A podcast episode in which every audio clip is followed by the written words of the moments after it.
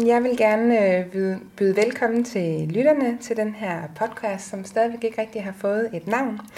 Øh, men til dem af jer, der lytter med, så kan jeg fortælle, at det er en podcast, hvor jeg gennem samtaler med mine gæster vil berøre emnet intimitet, både følelsesmæssigt og fysisk, fra øh, forskellige vinkler af.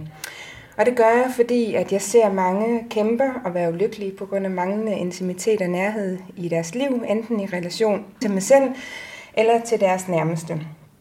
Og i dag, der har jeg fornøjelsen af at have Trine og, og have en samtale med omkring intimitet. og Trine og jeg, vi har kendt hinanden i vel nærmest en 8 år eller sådan noget, fra siden vi gik på Body SDS. Så det var der, vi lærte hinanden at kende.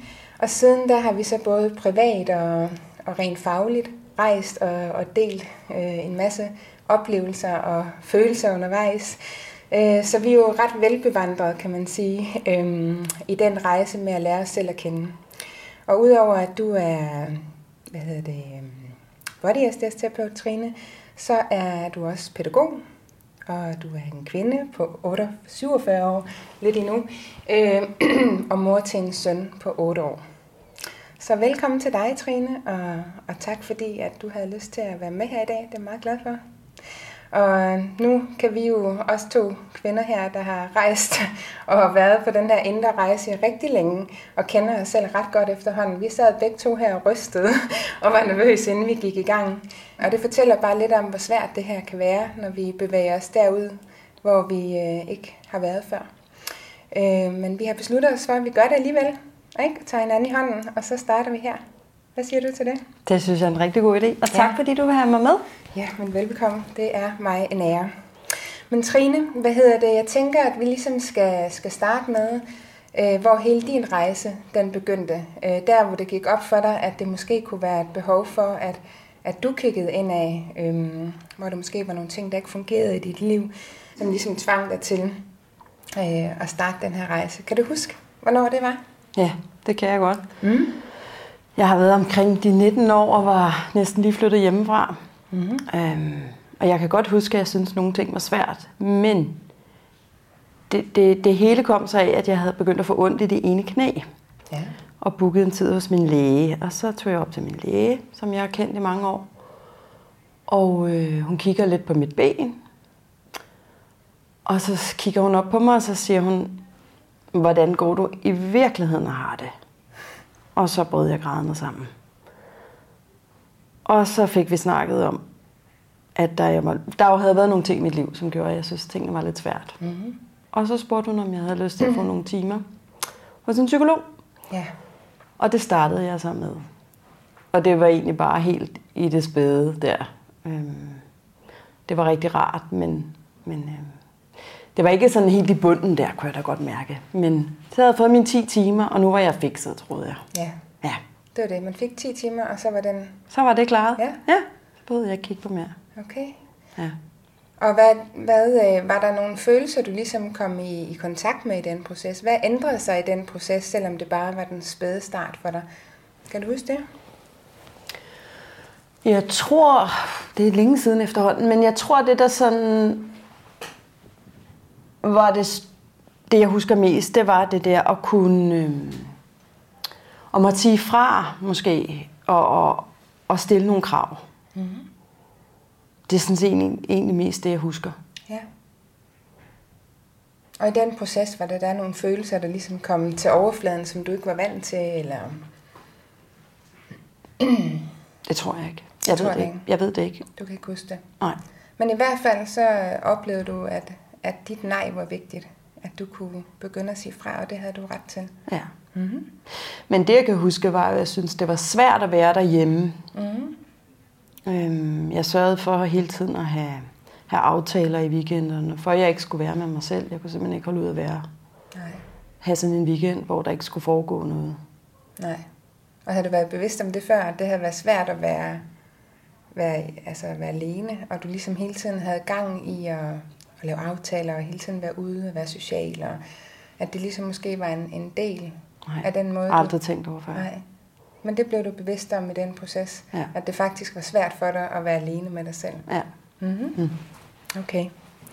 Og så siden da har rejsen jo virkelig bare taget fart, og du er kommet dybere og dybere ind, ind i dig selv og lært dig selv bedre at kende. Kan du ligesom huske, øh, om der har været sådan nogle særlige vendepunkter på den rejse? Fordi der sker jo altid noget i livet, som vi kan lære af, hvis vi vil. Men nogle gange, når man sådan kigger tilbage, så er det ligesom bare nogle vendepunkter, hvor, hvor det her var afgørende for dig. Mm. Kan du huske det? Efter det her med dit knæ, som var starten på det hele. Ja, altså jeg kan huske, at jeg havde svært ved det der med at, at gå ind i, i, i forhold, eller blive bare kæreste med nogen. Det synes jeg var enormt svært. Mm. Men, men det, der nok kom ud af det, det var, at, at øh, jeg egentlig gik ind i et forhold, ja. som varede fire år. Mm-hmm. Boede sammen med ham her. Og øh, vi gik så fra hinanden. Og det var sådan lidt øh, brutalt, så på en eller anden måde, så blev jeg... Jeg oplevede at få simpelthen angst, når jeg skulle sove. Mm-hmm. Jeg turde simpelthen ikke at, at sove. Jeg var så bange for, at der var nogen, der ville komme og slå mig ihjel. Helt altså, åndssvage tanker i virkeligheden, ikke? men det synes jeg jo ikke der. Var det efter bruddet, eller ja. var det undervejs? Det, det var, var efter det var efter bruddet, ja. ja. Og så fik jeg anbefalet en, øh, en psykolog, som jeg tog til. Mm-hmm. Simpelthen den øh, mest vidunderlige kvinde ude i Gentofte. Ja. Så der cyklede jeg ud en gang om måneden, så jeg lige havde penge til at tage ud til hende, og hun puttede mig i tæpper og fik også åbnet op for nogle ting. Øh, hvilket jeg nogle gange synes, nogle, nogle af hendes forslag var måske lidt mærkelige dengang. Det giver måske lidt mere mening i dag, men dengang synes jeg, det var lidt fjollet. Men, men jeg kunne godt lide at komme hos hende. Og der, det, det var jo fra den ene yderlighed. Den ene gang kunne jeg sidde og være helt ude af mig selv og fjolle og, og køre helt, helt ude i universet. Og næste øjeblik kunne jeg sidde og græde næste gang. Altså, mm. Så dengang synes jeg, at det var, hvad det var. I dag kan jeg jo godt se, at det var at flygte lidt fra det hele. Ja.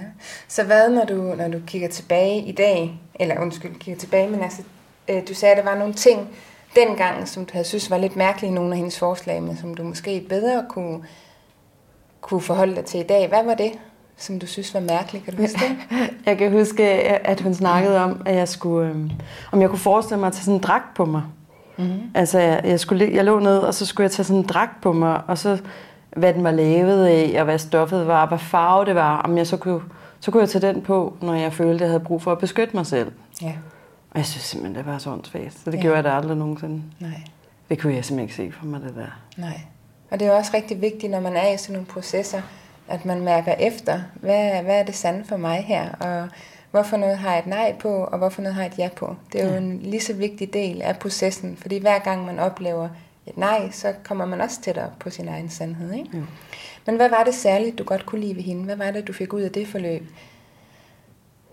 Men hun var simpelthen så kærlig. Mm. Altså hun var så fin. Der var ikke noget grænseoverskridende eller pushet i hende på nogen måde. Og det, kunne jeg faktisk, det var det, jeg havde brug for på det tidspunkt. Mm. Sådan så jeg langsomt kunne åbne op for nogle af de ting, som jeg gik og, og tumlede med. Så var det noget, du havde savnet i dit liv? At ja. blive mødt med den der varme og omsorg og tålmodighed og hvad, hvad der ellers ja. lå i det?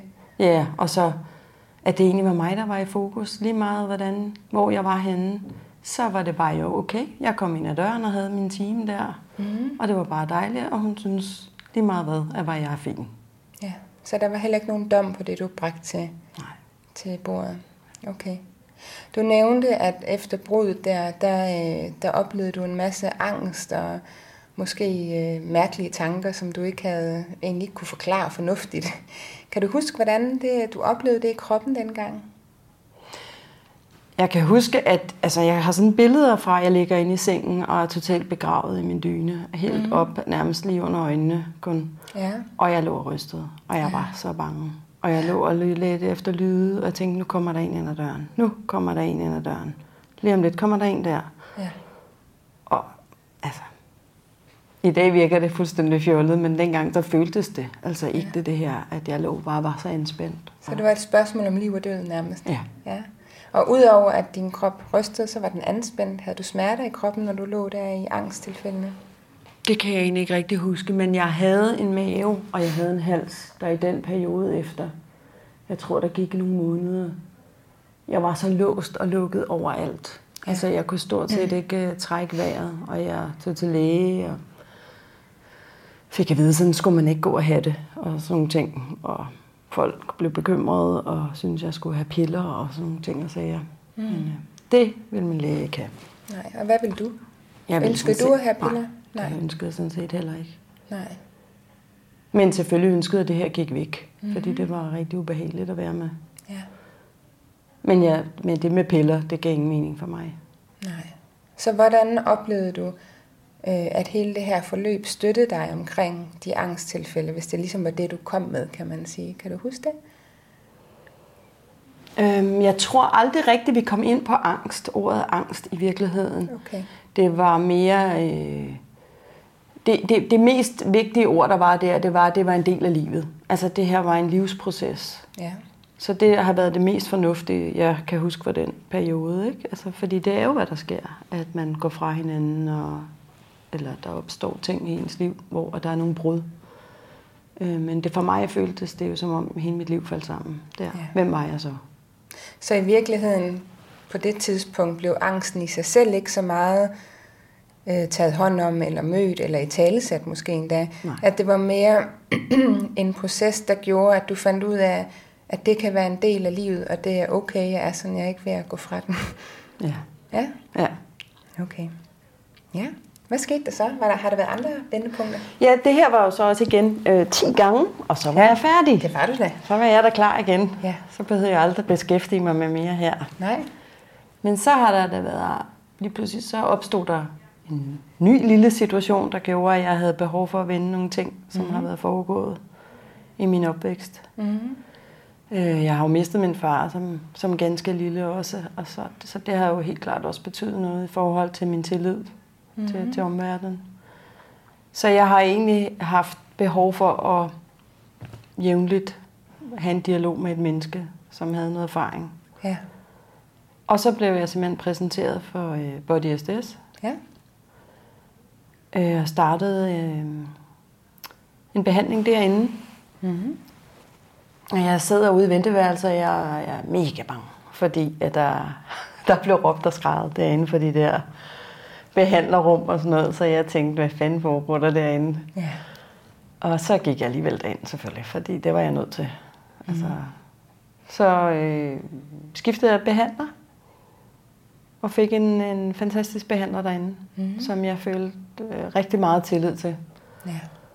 Og han gik simpelthen ind i at snakke med mig om det her med selv at blive behandler. Om det var psykolog, eller om det var herinde. Og så tænkte jeg, hvad snakker manden om herinde hos Body SDS? Ja. Jeg er da ikke sådan en. Jeg er da ikke sådan en, der hører til herinde. Og så gik jeg et år og fumlede med det op i hovedet, og tumlede og fumlede, og tænkte, skal jeg være sådan en der? Kan jeg være sådan en der? Og så fik jeg det hele sat på plads og søgte derind. Mm. Og så var der simpelthen ikke flere pladser, men det blev der så. Okay. Og så skulle jeg starte derinde. Ja. Og der havde jeg nærmest angst i to måneder op Ja. til at skulle starte derinde. Ja. Så jeg kom kravlende ind over dørtærsklen og satte mig over i det fjerneste hjørne. Så hvad var det, at du var angst over i den forbindelse? Jamen se, t- altså på det tidspunkt har jeg nok ikke været helt bevidst om det, men jeg var ekstremt bange for at blive opdaget måske i at, at ikke at være rigtig, eller ikke at være god nok, eller ikke kunne finde ud af tingene. Mm-hmm. Ikke at, altså det var, det var, der var jo to dele i det. Det var, jeg vidste godt, at jeg skulle igennem en proces med mig selv. Men der var jo også en helt behandlerdel, som man kan sige, at skulle lære en masse og skulle kunne give noget videre. Mm-hmm. Og den del var også i sig selv angstprovokerende at skulle begynde at røre ved mennesker og skulle faktisk hjælpe andre mennesker. Mm-hmm. Samtidig med, at jeg skulle sidde derinde og udtrykke ting omkring mig selv og hvordan jeg havde det. Ja. Og jeg havde bare en idé om, at alle andre derinde var langt bedre end mig. Ja. Og, og, og kunne meget mere end mig. Og, og jeg var nok den, der havde det allersværest her i livet. Så på det tidspunkt, der har du allerede været i nogle forløb en til en og begyndt at fundet en tryghed i, at, at her kan du udtrykke dig, og du bliver ikke dømt, og du bliver fagnet. Øhm, og så da du starter på den her uddannelse, hvor det også er en del af det at være en gruppe og skulle udtrykke sig over for andre mennesker, så skulle du lære det igen på ny. Er det det, jeg hørte dig sige? Eller Ja. at det var det, at der lige pludselig var mange øjne, og du skulle sige det højt i en flok, som måske i virkeligheden også li- ligner livet lidt mere, i stedet for det her en-til-en møde indimellem, ikke? Ja. Så, så er det en følelse, du kender fra livet, det her med at være bange for at blive afsløret, eller ikke at være god nok, eller... Ja, det er det da helt sikkert. Altså, jeg tror, jeg gennem hele mit liv måske har forsøgt at være på en bestemt måde, fordi at det tænkte jeg, det var, det var det her, folk ville have af mig. Ja. Altså, det var nok bedst, jeg var sådan her. Ja, og var det så også den, du egentlig var inde i, eller lavede du ligesom en opbygget en personlighed, som du tænkte, det her, den, den køber de, den kan de godt lide? Ja. Ja. Og det har der fungeret rigtig mange år. Ja. At øh, folk synes jeg var rigtig sød og rar, og, og hun er nok sød, hende Trine der. Og... Var du bevidst om, at det var et twist af, hvem du egentlig var? Nej. Nej. Fordi den anden side har jeg haft undertrykt dig meget. Ja. Så jeg har, ikke, øh, jeg har ikke været helt bevidst om det. Altså, Og så alligevel var der noget, der gjorde, at du var bange for at blive afsløret. Så Ja. måske ubevidst har det ligget der Ja. og ulmet lidt, ikke? jo, det har det. Okay. Ja. Og nu er Body jo en kropsterapeutisk uddannelse. Øhm, gjorde det noget at få kroppen med i hele den her udvikling? Ja. Det, det fik øh, mig... Øh, altså, jeg var meget bevidst om min, mine skuldre og nakke og de problematikker, jeg egentlig havde døjet med. Mm-hmm. Fra, hvad jeg har været omkring. Også, også før jeg var 20. Mm. Omkring mine skulderblade og sådan nogle ting. Øh, min mave. Øh, alle de her følelser, der, be, der, der, der lå nede i maven og gjorde min mave øh, hård som bræt nogle gange. Mm. Øh, at derfor åbnet op for det. Hvad skete der, når man kom ind i de, øh, i de lag, der var dernede? Hvor sårbart det også kunne være, ikke? men også hvor befriende det kunne være. Mm-hmm. Kan du sige lidt om det? Fordi det tror jeg, der er mange, der genkender. Den der smerte i maven, når et eller andet lige går imod, eller er svært, eller man bliver bange, så er det faktisk ret normalt at få den her smerte, eller i hvert fald spænding i maven. Ja. Så, så hvordan oplevede du, det var at gå ned i de her spændinger og mærke dem, og, og komme ud på den anden side igen? Kan du beskrive lidt om det, tror du? Men altså til at starte med, så, så det med den mave, det er jo... Altså jeg tror, at de færreste kan forholde sig til, at alle, der er så mange følelser nede i maven. Og, og, og det er altså pl- pludselig, der står et menneske og begynder at arbejde nede i den mave og spørge ind til den mave. Mm. Og lige pludselig lægger en hånd på den mave, som, man, som jeg så oplevede var stenhård, som i lad være at røre min mave, for det er rigtig, rigtig ubehageligt det her. Mm. Øhm, og så med vejrtrækning og, og, og turde gå ind i det, og lige så langsomt og låse det derop og finde ud af, det. Hvad, hvad er det, der gemmer sig dernede. Ja. Og så mærke, hvor meget plads der kommer. Altså følelsen af at, at have den der frihed nede i maven, at øh, den er blød, og den er... Der står ikke den der pulsende nerve der, der bare skriger, gå væk, gå væk, gå væk. Så hvad gjorde det ved din, din måde at være i verden på? At du lige pludselig kunne mærke, at der ikke var spændt i maven, og der var plads dernede, og der var en eller anden frihed. Altså, kunne du mærke det, hvad der skete i din, altså udadtil? Ja. For hver gang jeg kørte for body SDS-behandling, så, øhm, så så jeg verden på en anden måde. Mm-hmm. Jeg kan huske, når jeg cyklede derindefra, så øhm, jeg kunne mærke, det. Mit, mit ansigt var, var mildt. Altså det lyder åndssvagt, for jeg kunne ikke se mig selv, men jeg kunne mærke, at mit ansigt var mildt, og folk smilede til mig og kiggede på mig på en anden måde. Så du fik adgang til en blødhed inde i dig, Ja. ved at gå igennem de her lag. Ja. Og den hårdhed, altså som, vi, altså som måske var angst, eller hvad det nu kunne være, usikkerhed, som var blevet hårdt i din mave, og når du fik det løsnet op, så blev du også mere blød udadtil. Ja. Mm-hmm. Så det var enormt lækkert altid at køre derfra på en eller anden måde, at, at, at lige pludselig så, så verden bare sådan så sådan mere lyserød ud, i stedet mm. for at den så lidt grå ud, så så den bare lyserød ud og dejlig. Mm-hmm. Jeg havde lyst til at være i den. Ja, okay. Ja, det var lidt om det at få krop på. Har der været andre ting, der ligesom har haft stor betydning i dit liv? Ja. Så fik jeg en, øh, en søn, Mm-hmm. og øh, når man får et barn, så den facade, som man nu også engang kan bygge op, øh, eller som jeg beskrev før, jeg har bygget op, den, øh, den kunne ikke rigtig bære, fordi at, øh, sådan et barn, det har jo nogle behov, mm. og har en adfærd, som man ikke kan kontrollere og styre. Og det var meget voldsomt for mig i starten, at jeg sad med det her lille menneske, som faktisk havde øh, en, anden, en, anden, en anden dagsorden og nogle andre behov, end jeg, jeg var klar over. Mm. Eller kunne håndtere lige til at starte med. Og stadig, altså samtidig var det jo også bare dybt afhængig af dig, og det var du også bevidst om, kan man sige, det ansvar, ja. der fulgte med, ikke? Jeg kunne ikke rigtig løbe nogen steder.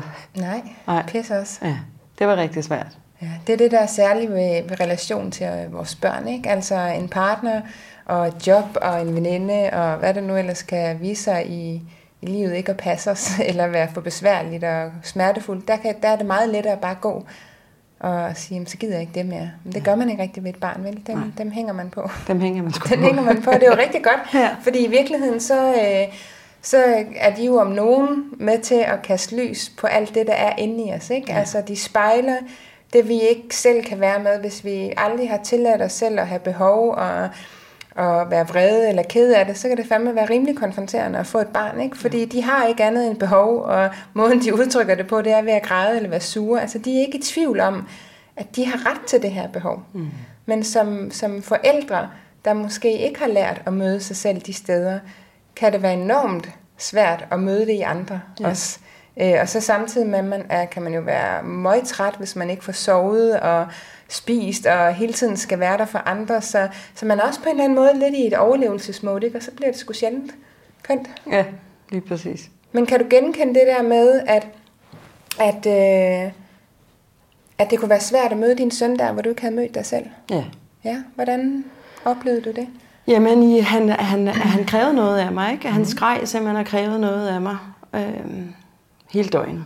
Altså, og, og, og jeg var bare slidt, og jeg kunne ikke finde ro i det. Øhm, ja. Spiste utrolig meget chokolade og dopede mig selv med, hvad jeg kunne, kunne finde. Ja.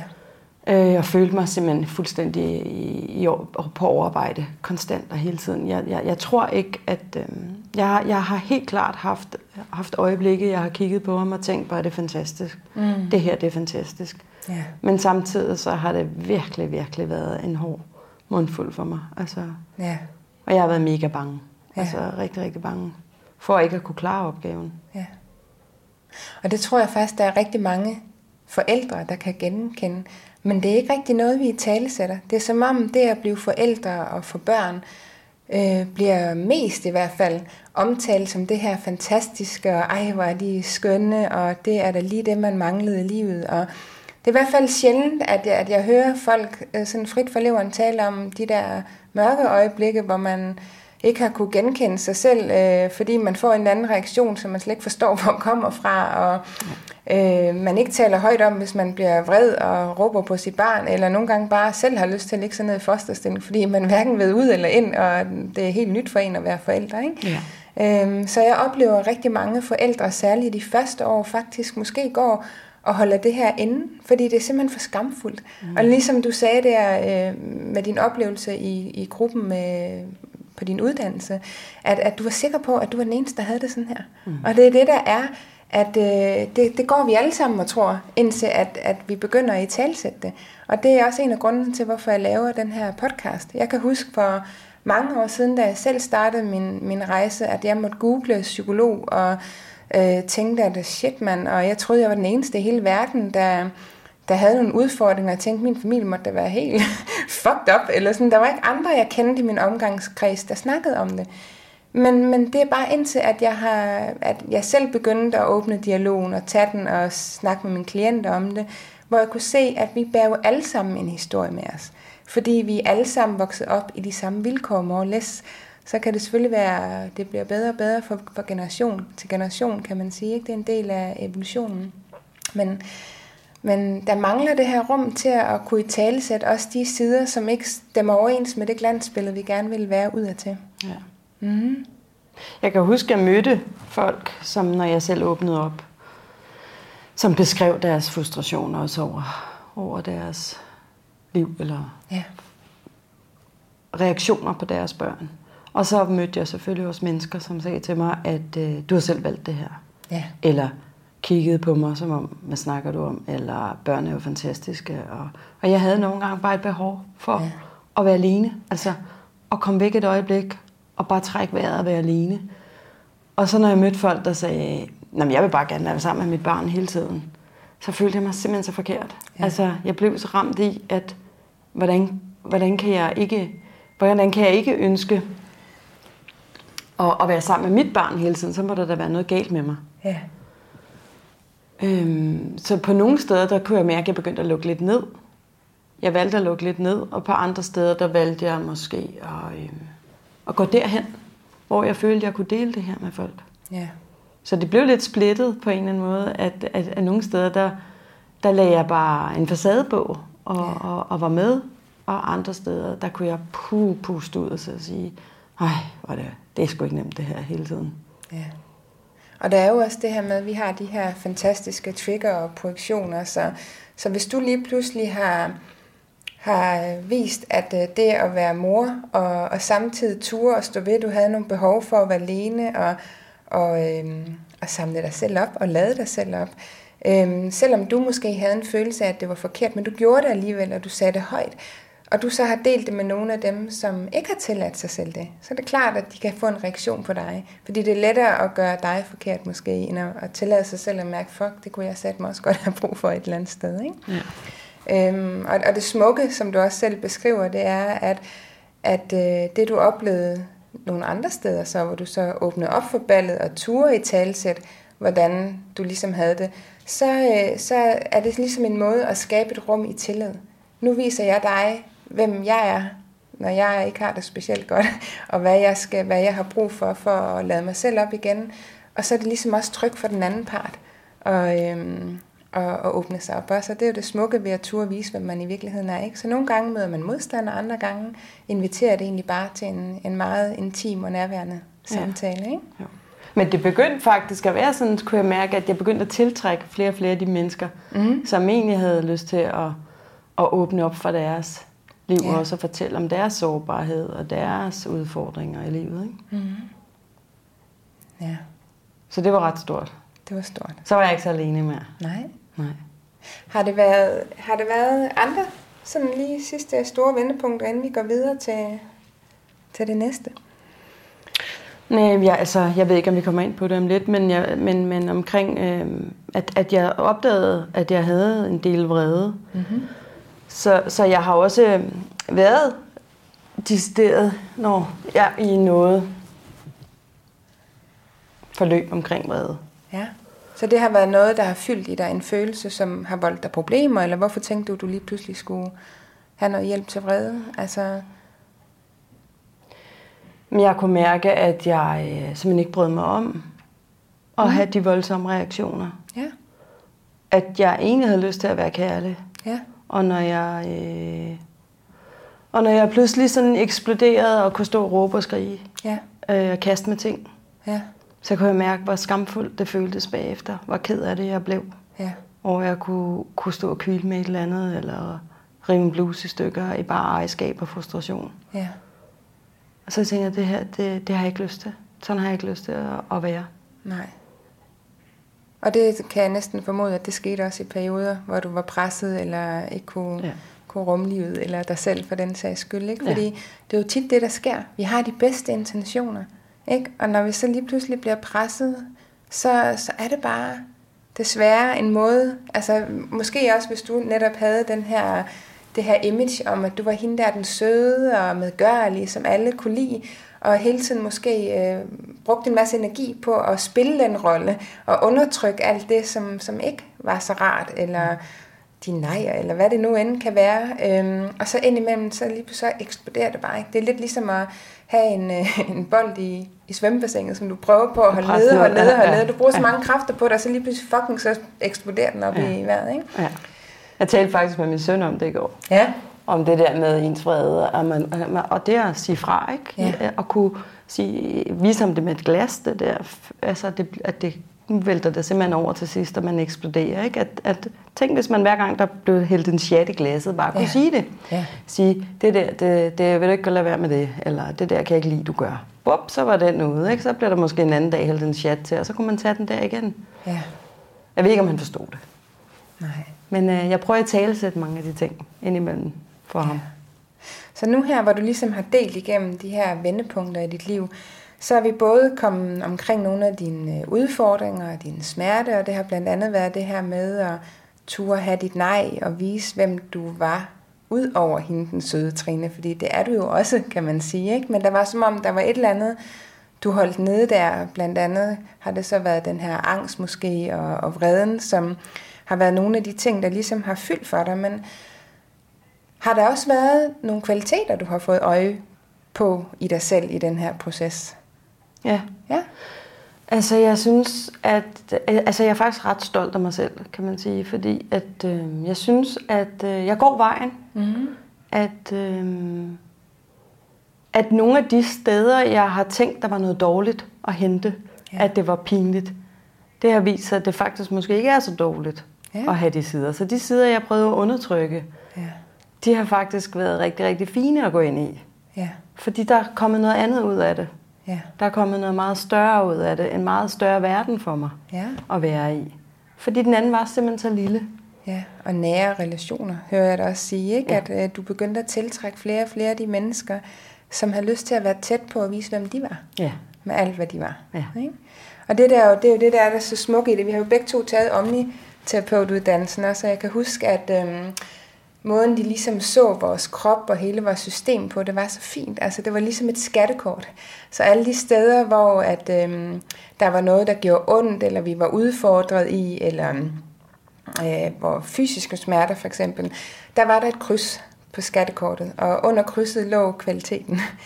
Så når man ligesom turde og grave forbi krydset og grave ned i dybet, så var der en gave og en kvalitet i os, som bare ventede på at, at komme frem. Og det er også det, jeg lidt hører dig sige, at ved at du har haft mod til at ture og kigge på nogle af de her svære ting og tabubelagte følelser, eller i hvert fald noget, som vi ikke alle sammen nødvendigvis går og snakker om, eller tillader os selv at mærke, så har du også fået en kæmpe gave med mm. i alt det her, ikke?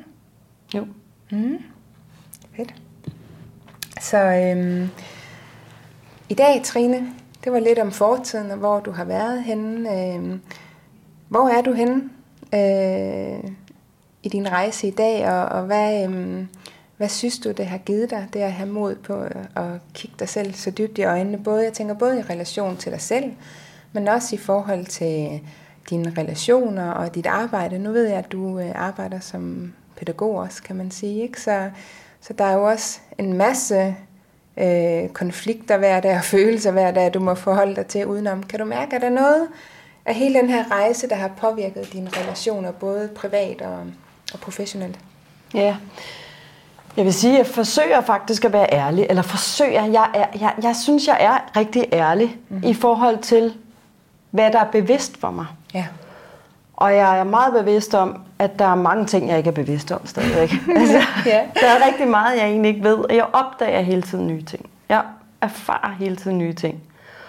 Og de ting, jeg erfarer, dem vil jeg rigtig gerne give videre. Ja. Nogle gange, så, så, så på mit arbejde, så vil jeg rigtig gerne give det her videre til de her mennesker, små mennesker, som er på vej på, på deres vej.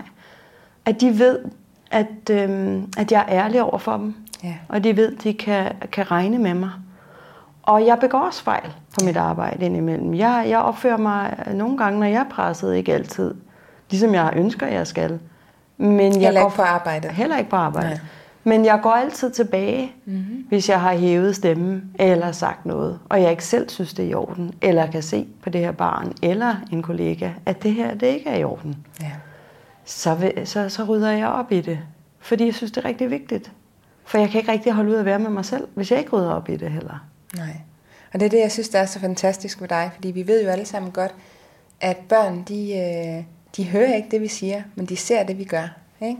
Og det der med at være et levende eksempel på, på, hvad det er, du gør, og hvem du er, og tage ansvar, hvis du kommer til at bumle, det er jo at sige så meget mere, end man måske kunne, kunne lære dem med ord. Ikke? Og jeg ved også, at du har brugt nogle af dine redskaber fra omniterapeutuddannelsen i dit arbejde. Ja. Kan du sige lidt om det? For det synes jeg er så fint. Altså det har været meget, hvor vi har mm. haft altså fokus på klassens trivsel. Mm-hmm. Eller børne, bare grupper trivsel. Det kan være forskellige grupper også. Øhm, så bruger jeg simpelthen nogle af de måder, vi har lejet nogle ting på Omni. Mm-hmm. Altså bevidst, bevidsthed i forhold til, hvordan man kan gå rundt i et rum, eller øh, der er sådan en statue, en levende statue, hvor at jeg, jeg, at børnene elsker den faktisk. Lige meget hvem jeg egentlig laver den med, så synes de faktisk, det er rigtig sjovt hver gang. Ja. Men det er jo også det der med at skabe et fællesskab. Et, ja. et, et, det her gør vi sammen. Der er ikke nogen, der ikke er med det her. Alle er sammen. Vi har brug for hinanden. Ja. Øhm, og det, det, det bruger jeg rigtig meget i mit arbejde. Det her også, at prøve ind imellem også, at vi sidder og kigger hinanden i øjnene. At børnene ja. faktisk har siddet og skulle kigge hinanden i øjnene. Og sætte ord på bagefter, hvordan det er. Og de, der kommer mange sjove udmeldinger. Ja. Altså, nogen synes, det er meget svært, og det er svært. Ja. og nogen synes, de ser nogle ting i det andet menneske, som de aldrig har lagt mærke til før. Mm. Og det synes jeg er meget rørende. Ja. Fordi at jeg oplever, at der sker et eller andet med dem bagefter. Så det her med at bruge både det intime rum med stillhed og øjenkontakt og berøring og lege, øh, hvor I, øh, I skal få noget til at gå op som en gruppe i en større sammenhæng, og så samtidig med, at der er værdier af ærlighed og respekt, hører jeg dig også sige, ja. ikke? at det virkelig har en, en god effekt på de her børn. Ja. Fordi det gør også, som du selv siger, at de oplever nye ting, og ser nye ting i et menneske, men det kommer ind fra dem selv. Det er ikke nogen, der har sagt, at, at svaret skal være på en bestemt måde, eller de skal kigge efter noget bestemt. Øh, det er virkelig noget, der får lov til at opstå inde i dem, fordi pladsen bliver skabt til det. Ikke? Ja. Synes jeg simpelthen er så vidunderligt. Ja. Flere, mere af det, ikke? Jo, Ja. jeg elsker det også. ja, det kan jeg godt forstå. Og hvad så på, i dit private liv? Altså det har meget været fagligt, hvordan det har, det har påvirket det. Jamen, jeg er nok der, hvor, at, hvor det før i tiden, så, så skulle tingene være slut. Nu var jeg færdig. Og jeg kan godt mærke, at jeg ikke er færdig. Så, så jeg blev ved med... Slut og færdig, hvordan? Det Altså tror jeg lige, du skal... et, et, terapeutforløb. Nu, Ja. nu, er jeg, nu er jeg klar. Nu Ja. er jeg et færdigt udviklet Nu har du menneske. taget de 10 gange. Nu har jeg taget de 10 Eller gange. uddannelsen, Ja. eller hvad det nu har ja. været. Så stopper den her. Nu ja. skal der ikke mere. Og det kan jeg bare mærke, det fungerer ikke for mig. Altså ikke, at, at, at, at man hele tiden skal sidde og, og pille i det, men jeg kan ikke lade være, fordi at jeg opdager, og jeg nogle gange støder panden på, mod, mod muren, mm. og, og oplever de samme begrænsninger. Ja. Og så er jeg simpelthen, kan jeg mærke, at jeg er nødt til at gå ind i det og finde ud af, hvad det er, der begrænser mig, fordi jeg bliver simpelthen øh, ked af det. Ja. Og det fylder for meget i mig, fordi jeg vil bare så gerne nogle andre steder hen nogle gange, end det jeg lige formår. Ja. Og, og jeg kan se, hvor meget, hver evig eneste gang, jeg tager det der skridt og har banket, dung, dung, dung, at når jeg så bryder igennem, at det er simpelthen så fedt. Ja. Jeg bliver så glad og, og går ud og be, begynder at bruge det ude i verden. Det kan godt være, det ikke lykkes hele tiden. Ja. Men måske bare to ud af ti gange, så kan jeg se, at det lykkes for mig, og så bliver jeg bare rigtig, rigtig glad. Ja. Og så tænker jeg, at det bliver bare ved at sprede, sprede øh, så rundt i vandet for mig. Så, så næste gang jeg står i et eller andet nyt, så ved jeg, at jeg skal strække mig selv det længere. Ja. Og også som jeg har jo kastet mig ud i sidste år, holde et lille foredrag om angst. Altså, det var jo nærmest angstprovokerende i sig selv. Det er sjovt. Af en person, Det det, der der lider af angst. Og tænker jeg, nu gør jeg det. Ja. Nu står jeg simpelthen her og fortæller om, om angst. Ja. Og det var mega fedt. Altså, lige da jeg skulle starte, synes jeg ikke, det var så sjovt, men det var mega fedt bagefter. Og jeg kan bare mærke, at jeg har lyst til at kaste mig ud i ting og blive klogere på mig selv og andre, for at gøre verden større for mig. Jeg har næsten også lige lyst til, i går sad vi jo lige og havde en kort snak op til det her, den her podcast, øh, og der kan jeg huske, du sagde til mig, ej Tanja, lige pludselig så forstår jeg, jeg kan lige pludselig mærke noget af det, jeg har hørt nogen sige til mig i overvis, som jeg godt har kunne mærke har været en sandhed i, men jeg har måske også prøvet at føre det ud i livet, men nogle gange har det ikke rigtig givet de resultater, jeg gerne vil have, og nogle gange kunne jeg ikke føre det ud i livet. Men nu forstår jeg det, nu kan jeg mærke det, at, at det er rigtigt. Jeg er ikke sikker på, at jeg forstod det før. Og, og det, altså nu siger jeg det også, fordi det passer meget godt ind i den her podcast om at og, og ligesom invitere folk til gennem de her sam, sandheder og, og turde tage på den her indre rejse og komme tilbage til at mærke ens egne svar igen, ligesom du giver videre til dine børn. Øh, fordi det, det virker bare anderledes og dybere, når, når det kommer indfra, og det er ikke bare en eller anden teori, eller en uddannelse, eller en, en livsfilosofi, øh, eller hvad ved jeg, man, man prøver at være, fordi det har man hørt, og det lyder da skide godt. Det er noget andet, når man virkelig kan mærke det indenfra. Kan ja. du genkende det? Ja. Ja. Altså det føles virkelig som den der mur lige pludselig, og så lige bagom, Ja. lige bagom, der, der, der ligger det der.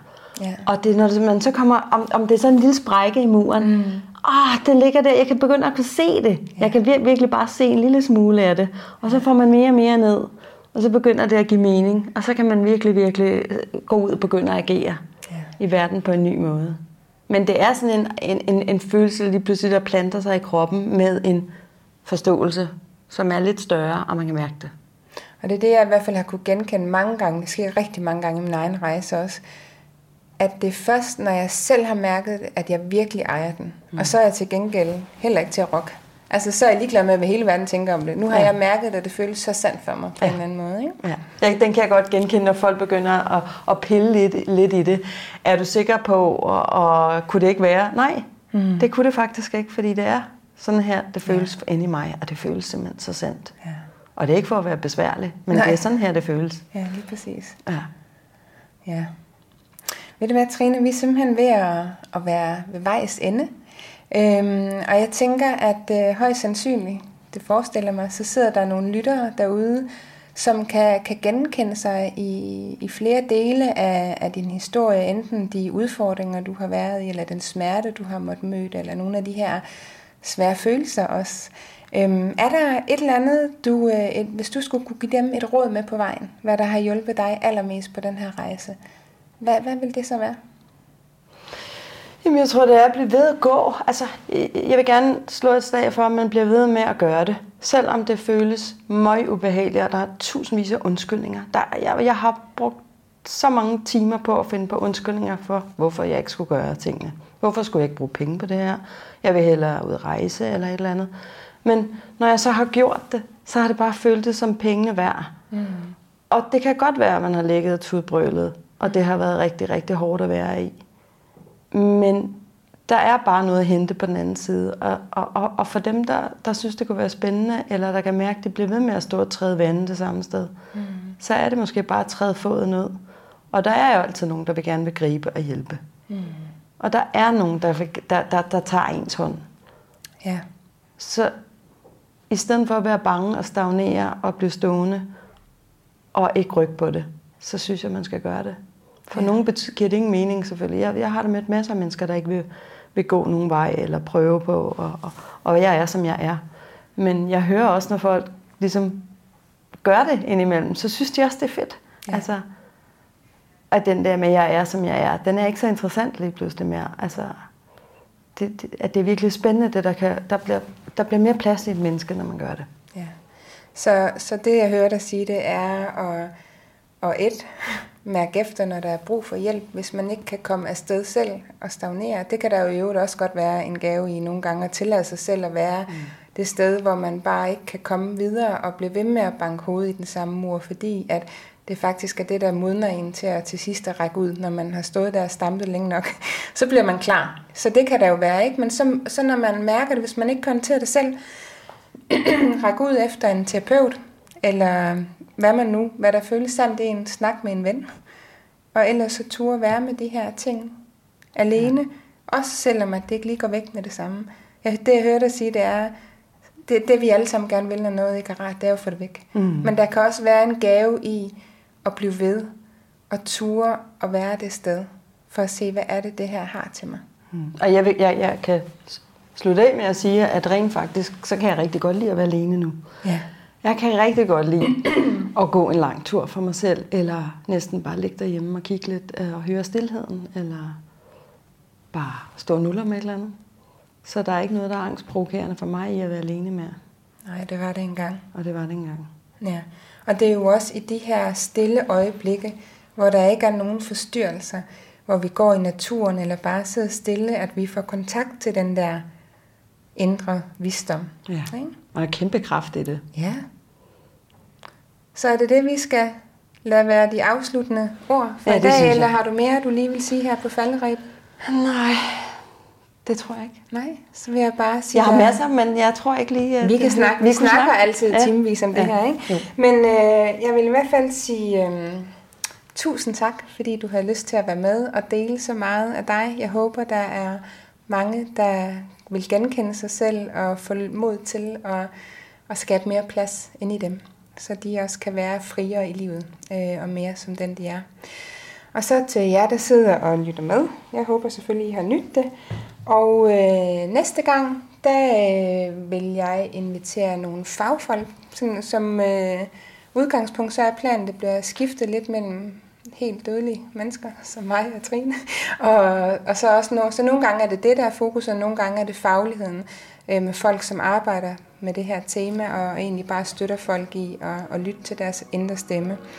Øhm, så vi ses derude næste gang, og jeg glæder mig til, at det sker. Så øhm, pas på hinanden så længe.